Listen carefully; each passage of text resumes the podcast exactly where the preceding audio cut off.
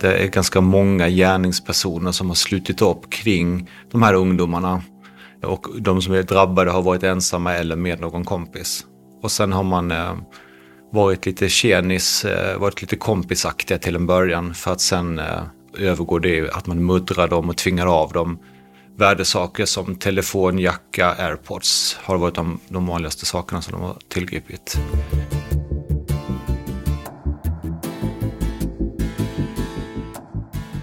Du lyssnar på Sveriges viktigaste podd, Trygghetspodden, från din trygghet med Anders Königsson.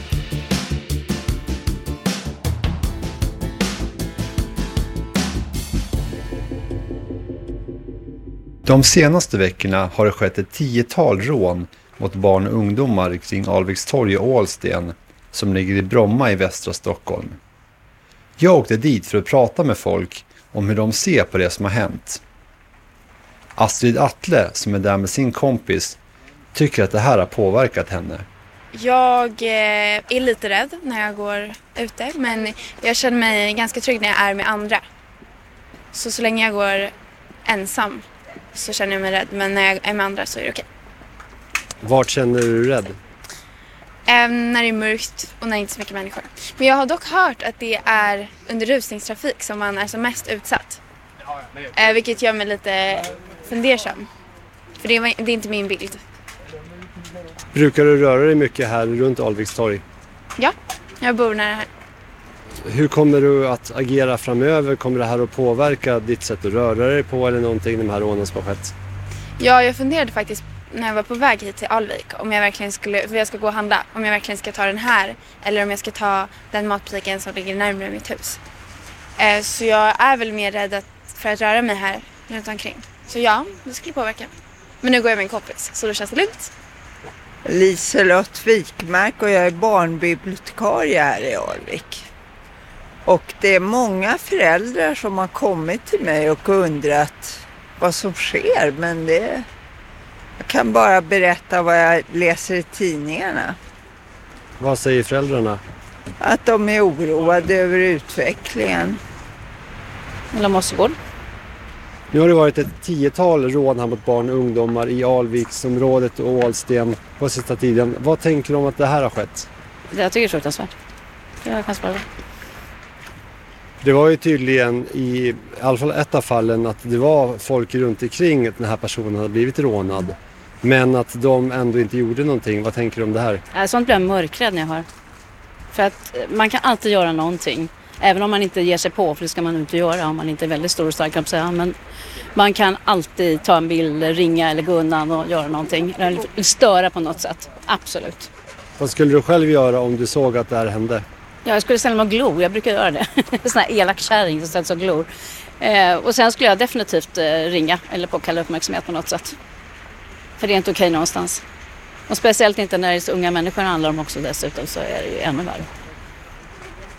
Jag fortsätter sedan vidare västerut till polishuset i Vällingby. Där arbetar Tommy Stjärnelands som är gruppchef på ungdomsutredningar i lokalpolisområde Vällingby. Mitt uppdrag är att ansvara för samtliga ärenden med ungdomar inblandade, antingen som målsägande eller misstänkta inom vårt upptagningsområde som är då Ekerö, Bromma, Hässelby, Vällingby. Och eh, det ligger på mig att samla in, kontrollera och bestämma vad som behöver göras för att vi ska kunna nå i hamn med utredningarna och problembilden i området. Det har ju varit eh, en hel del rån här i Alvik under den senaste tiden. Vad är det som har hänt egentligen? Den 5 mars hade vi sex stycken rån på samma kväll, eller eftermiddag kväll. Mellan 17 och 20 och 21 ungefär så, så var det sex rån på, på och omkring Alviks tunnelbana, Alviks torg. Sträckte sig även ner till Ålsten. Eh, ungdomar som har eh, blivit rånade av andra ungdomar det som vi har sett som tecken är att det är ganska många gärningspersoner som har slutit upp kring de här ungdomarna. Och de som är drabbade har varit ensamma eller med någon kompis.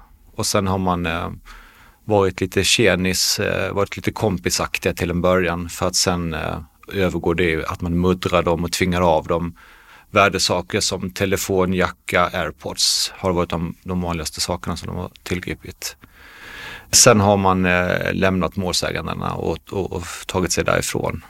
Vid några av tillfällena har man också tvingat med sig målsäganden eh, från den själva platsen där man träffar dem till en mer undanskymd plats för att kunna göra det här i lugn och ro.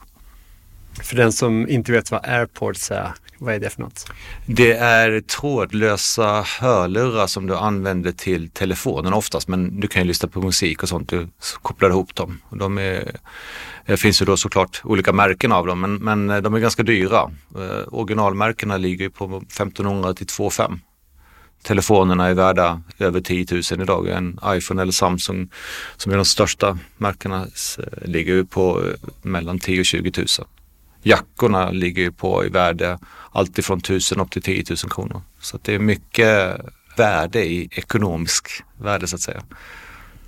Vilken tid på dygnet har de här genomförts? De rånen i, i, som vi pratar om nu har genomförts mellan klockan 17 och 20.21. Så i stort sett eh, i rusningstrafiken när det är alltså mest människor i omlopp. Många som är på väg eh, hem från jobbet passerar ju platsen också då så att när det är mycket människor. Och det, det i sin tur har också varit en, eh, en bidragande orsak till att man kanske inte har reagerat i första hand för att det är så mycket människor som rör sig så man, har kanske inte, man är stressad, man har inte tid att ta in vad som händer runt omkring en och mycket folk också på platsen. Samtidigt tänker man ju att om det är mycket folk så kan det också finnas mycket vittnen och så. Men är det här någonting som är utstuderat, att man ska försöka gömma sig i folkmassan, så de som begår de här rånen? Eller hur tror du att de funderar?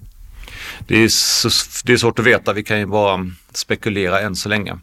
Och en bidragande sak till att klara sig undan är ju att man kan försvinna i mängden. Det är inte så svårt att förstå att det är såklart ett av syftena med att göra det där det är mycket folk. Det är mycket ungdomar på platsen vilket gör att att eh, klädseln överensstämmer med varandra. Det är svårt att urskilja vilka som har gjort vad och om de ens var inblandade. Så det är klart att det är säkert en eh, faktor bakom att man gör det på de här ställena. Sen är det väl också så att eh, man, man har sett, om man har varit där tidigare, man har sett att det finns ungdomar eller andra med som har de här sakerna som man vill åt. Och då vänder man sig också till de platserna. Det är lätt att ta sig därifrån åt alla håll. Från Alvik kan du åka överallt i hela Stockholm i stort sett. Ja. Så det är också en av de bidragande orsakerna, tror vi. Utöver den här kvällen då när det var sex rån på en gång, vid hur många tillfällen har de här rånen skett? Vi har haft i slutet på februari har vi också haft eh, flertalet rån som skett i samma, på samma platser eller, eh, eller runt omkring. Och sen eh, senaste veckan har vi också haft något rån på samma plats. Ingenting som är som den här specifika dagen med, med så många rån men sammantaget så har det varit en 10-12 rån i och kring Alviks torg senaste månaden och det är ju alldeles på tok för många såklart. Har ni några misstänkta eller någon bild av vilka som har begått de här rånen? Vi har jobbat ganska mycket i de här utredningarna nu och, och, vi har kommit en bra bit på vägen så vi har ju misstänkta i dem. Och um, vi har ju mycket kvar att göra innan vi kommer vidare så att, uh, men, men det är ju en viss trygghet att veta att det finns misstänkta personer. Är det samma människor som har begått alla de här brotten eller flera av dem? Eh, vi kan se att det är två konstellationer som har genomfört de här sex rånen som var i Alvik samma kväll. Och eh, vi tror väl också att det finns ett samband eh, mellan de här två olika konstellationerna. Så att ehm, eh, ja, de har stått för största eller mestadels av de senaste tidens rån i Alvik skulle vi påstå. Varför sker de här rånen just i Alvik och ut mot Ålsten? Eh, den teorin som vi arbetar efter som, vi, som, vi kanske, som man kan se det är ju att det är en knutpunkt. Ungdomarna rör sig med eh, tunnelbana, buss, spårvagn, eh, tvärbana och allting. Och just i Alvik så samlas ju flera färdsätt.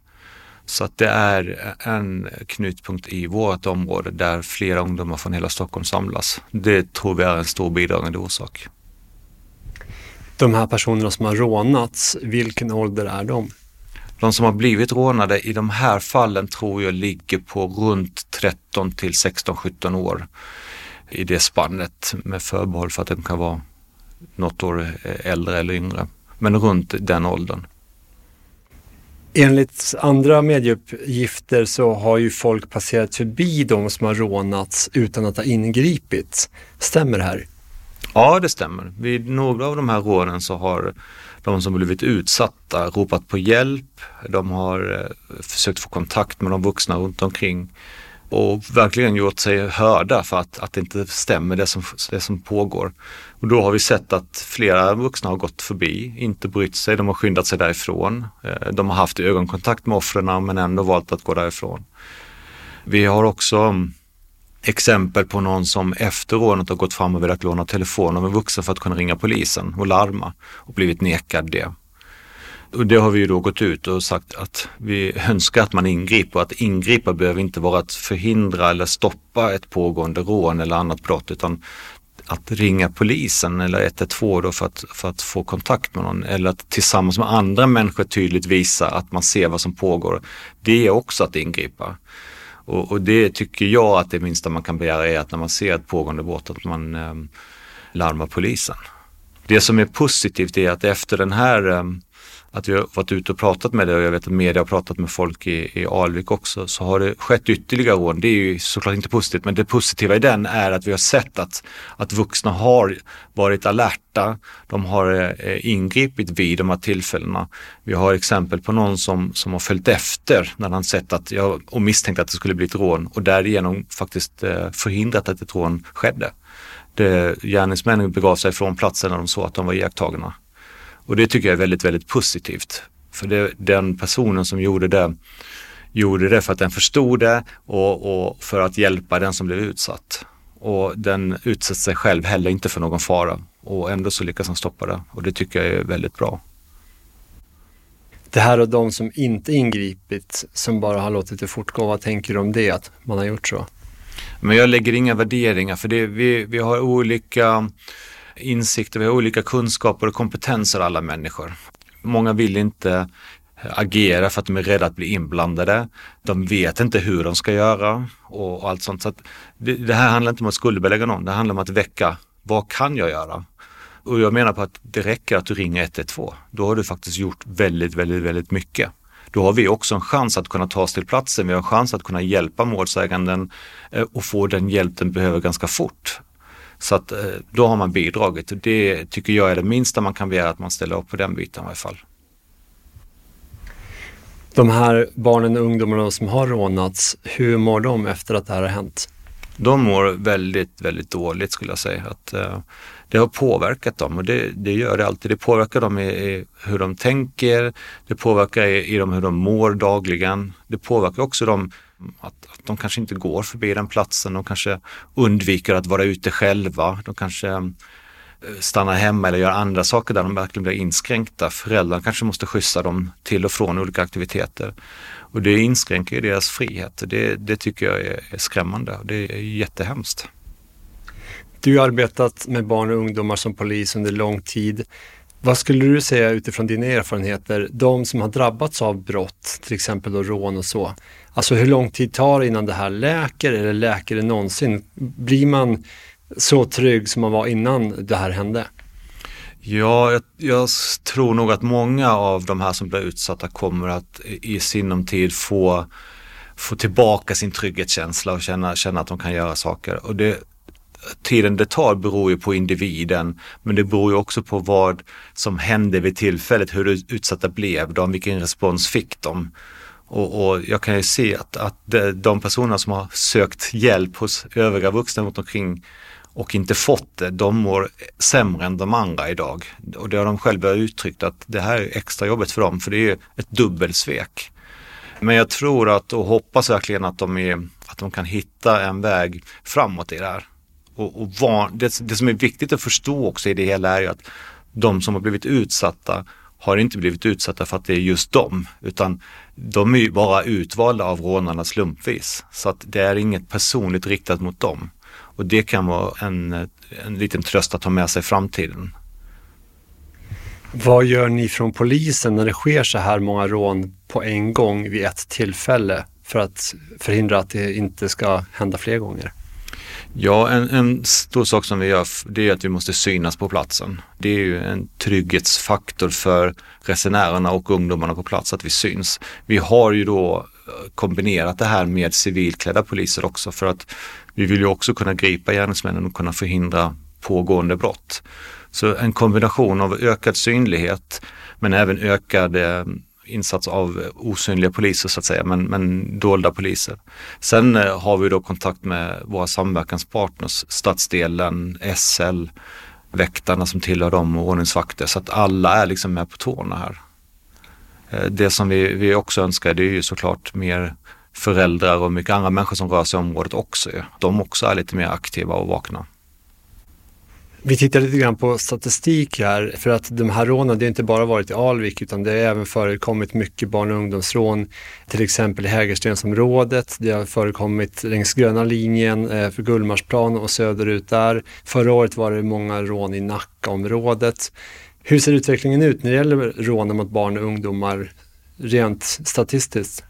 Ja, jag tittade lite på det och tog fram lite uppgifter på Eh, rån utan skjutvapen där eh, ungdomar under 18 år har utsatts. Och, och, det har ju ökat de senaste fem åren. Från egentligen, sen finns det, det finns mycket saker som påverkar våran, när vi söker fram det. Vi har bytt myndighet, vi byter koder för olika brott, men vi kan ändå se att det är en ökning.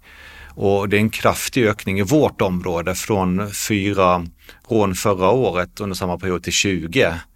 20-22 stycken i år, det är, det är jättemycket. Så rent generellt så ökar den eh, statistiken tyvärr. Vad är er bild? Vad beror det här på? Ja, det är lite som jag var inne på innan. Jag tror att det har att göra med att det finns eh, dyrare saker i omlopp. Du har kläder, du har eh, teknikprylar som är mycket dyrare. Du har en ökad rörlighet bland ungdomarna. Man, man åker mycket mer över hela Stockholm idag eh, och det ser nog likadant ut för storstäderna, att man tar sig över stora områden väldigt fort det är mycket mer människor ute så det försvinner i mängden. Det, jag tror att de aspekterna tillsammans med att risken för upptäckt kanske är låg, då får du inget straff heller för det och vilket gör att, att man tycker att man kan fortsätta med de här sakerna. Jag tror att de aspekterna spelar in i, i faktorn till att det ökar. Om man tittar där på med vilka saker barn och ungdomar har på sig. Ehm, det har ju ändå varit en ökning den senaste femårsperioden säger du. Har det förändrats vilka saker folk har på sig under de här fem åren och hur ungdomar har rört sig? För det är en ganska kort tidsperiod ändå.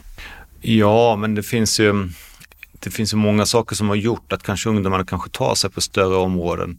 Skolorna har ju, finns ju över hela Stockholm när man går i skolan nu och, och förut så var det mycket vanligare att att man gick i närområdet när man gick i skola i de olika nivåerna. Idag kanske man går i en skola som är, ligger på andra sidan stan.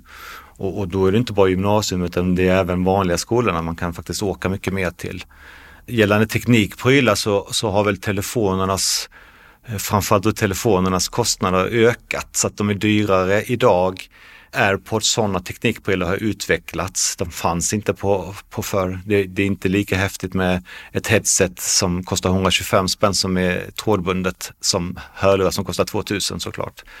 Sen själva kläder och sånt har alltid funnits dyrare märken och sånt också. Men det har blivit, eh, vi har ju sett att det är de grejerna som ungdomarna blir rånade på av andra ungdomar. Och, och det kan ju vara en, en värdemässig förmån. Det som vi också man, man inte ska glömma bort är ju att rånarna använder ju sin makt ut över de här offren och det är också en bidragande orsak. De tycker säkert eh, att de är häftiga och balla när de gör de här sakerna och att, att de får väl en kick av också att eh, känna den där känslan. Så den bidrar ju också tyvärr. När man tittar på rån mot barn och ungdomar, brukar de som begår de här brotten komma från samma områden där de begår brotten eller är det från andra områden? Det ser nog väldigt olika ut. Ibland vill man ju kunna försvinna snabbt och, och har man nära hem så är det ju lätt att ta sig dit. Men jag skulle säga att man många gånger faktiskt väljer andra ställen där man inte blir igenkänd på samma lätta sätt som man blir ja, i hemmakretsen. Så jag, jag, tror att det är vanligare att man gör rånen en bit bort. De som döms för den här typen av brott och rån mot barn och ungdomar som ofta själva är unga, vad får de för straff generellt? Ja, först, så, först måste du vara 15 år för att kunna dömas för brotten. Och är du under 15 år så överlämnas det till socialtjänsten för att eh, fatta beslut om lämplig åtgärd. Är du över 15 år så kan du dömas för de här brotten. Det är väldigt ovanligt att en, att en 15-åring får fängelse, utan det man får det är man, att man får oftast en placering någonstans där man får en ungdomsvård. Du kan, du kan ju få skyddstillsyn. Men inlåsning, eh, ett regelrätt fängelse får man inte. Du får också lägre straff när du är yngre. Eh, men, men, generellt skulle jag vilja säga om du begår flertalet rån så, så är nog en placering på ungdomsvård vård inte långt ifrån. Men eh, allt ifrån egentligen eh, sociala insatser till eh, ungdomsvård skulle jag påstå. Du sa ju tidigare att de här straffen är ingenting som avskräcker de som begår rånen. Det är så alltså? Nej, det, jag tror inte att det, det avskräcker säkert några. Men eh, de här som fortsätter att göra de tänker ju inte på att jag ska åka fast och bli tagen för det här. utan tvärtom, de, de går inte in med den aspekten överhuvudtaget och därför har de säkert inte tänkt igenom vad som skulle kunna ske med dem när de blir tagna. Eh, skulle det vara väldigt tydligt om, om att alla som gjorde en viss sak skulle få det här straffet så, så, skulle det nog vara enklare att få dem avskräckta. Men så är det ju inte idag. Vi vet ju hur det ser ut fram tills man är 21 år. Att du får ju inte de, de straffen som en vuxen får heller. Hur ser du på det? Det här med rabatterna som ungdomar får som begår ändå kanske i vissa fall väldigt grova brott. Ja, alltså det, det är egentligen inte upp till mig att, att, att lägga någon värdering på de straffen. Jag jobbar ju för att, att när man har begått ett brott så ska man fällas för det. Och sen är det ju andra som ska döma dem. Vad gäller vad man får och sånt så kan jag ha egna åsikter men eh, det är ju faktiskt någonting som folk ska välja politiker efter och, och påverka politiken att, titta över straffen, titta över rabatterna och sånt. Det, det är samhällets ansvar. Om man tittar ur rent polisiär synpunkt då, vad skulle vara bäst för er som poliser när det gäller straff för att få de här personerna som begår rån till exempel att inte göra det igen? Ja, vi skulle vilja se att de här personerna inte fick vara kvar på de här platserna. Ja. Alltså vi skulle vilja att man låste in dem och gav dem hjälp så att de skulle komma ifrån där. För det, de, de eh, behöver ju hjälp för att sluta med det här beteendet. Offren måste ju få sin hjälp också. Där måste vi i samhället ställa upp och hjälpa offren och vi måste se till att hjälpa förövarna så att de inte utsätter fler offer för sånt här. Så att eh, jag tycker att man, eh, när det är grova brott så, så ska man lyfta dem från platsen i stort sett om man kan eh, och sen så ska man ta dem till en domstol väldigt, väldigt fort. De ska inte behöva vänta en lång tid på det och så ska man döma det väldigt, väldigt fort. För konsekvenstänkandet hos ungdomar är inte, inte lika väl utvecklat. Så att om du gör en sak nu och får ett straff om ett år så, så är det liksom överspelat för en ungdom. Men om du, får, om du gör en sak nu och inom tre till sex veckor så har du allting klart, då är den dum och sånt, då blir det mycket tydligare det skulle avskräcka tror jag för många av de här ungdomarna. Och hur ser det ut idag? Tidsspannet mellan brotten begås och straff utmäts? Det tar väldigt lång tid skulle jag påstå. Är, i, i, bästa fall så lyckas vi redovisa de här ärendena inom sex veckor. Eh, sen så ska de ju gå vidare ju. Och, och, det tar ju flera månader innan de får se någon, någon form av eh, straff eller åtgärd mot dem. Och i många fall så blir det ju inte ens det. Hur tror du att utvecklingen ser ut framöver gällande de här rånen mot barn och ungdomar, både här i Stockholmsområdet men även runt om i landet i övrigt? Ja, om vi inte gör någonting så kommer de nog generellt att öka i hela Sverige, det skulle jag påstå. Vi måste ju titta på problemet och komma, komma åt det. Och då är det ju så många, det som vi har varit inne lite på, det är många olika aspekter som vi måste satsa på. Vi måste, vi måste kunna få de här ungdomarna att förstå att om de gör fel så kommer det också bli en konsekvens för dem. Eh, vi måste förstå, få dem att förstå att, att eh, man måste sluta med beteendet. Vi, vi, vi, kan faktiskt hjälpa dem att bli av med det här beteendet. Eh, då förhindrar vi nya rån eller nya offer att drabbas såklart. Så att ja, jag tror att kan vi bara få till lite, lite bättre där så skulle vi nog faktiskt kunna få ner antalet men eh, det är, vi, vi är många som måste hjälpas åt. Det är även föräldrar som lägger, har ett stort, stort ansvar. Det är de som uppfostrar sina ungdomar. Upp, upp till de är minst 18 år i varje fall. Det är de som lägger värderingarna för hur barnen ska uppträda.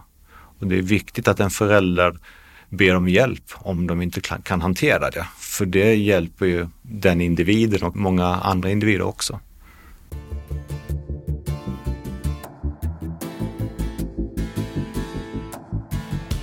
Du har hört ett avsnitt av Trygghetspodden. Fler avsnitt finns på dinTrygghet.nu.